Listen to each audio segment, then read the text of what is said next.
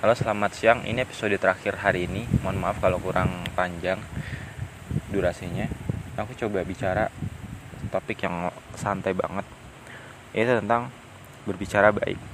Sebenarnya kita tuh nggak bisa terus-terusan ngomong baik. Ada kalanya kita kayak salah ucap. Meskipun kita nggak sengaja. Untuk itu kita nggak nggak pernah sengaja ya. Tapi ternyata kita malah menyakiti hati dia. Salah paham lah minimal kalau nggak menyakiti nggak masalah namanya juga manusia kan.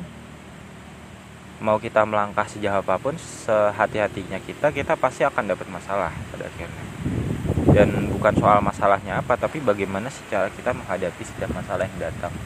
Kita nggak boleh takut nggak boleh sedih kalau masalah itu datang. Kita harus bersyukur bahwa kita masih dipercaya untuk hidup untuk menyelesaikan masalah-masalah yang datang dalam hidup kita.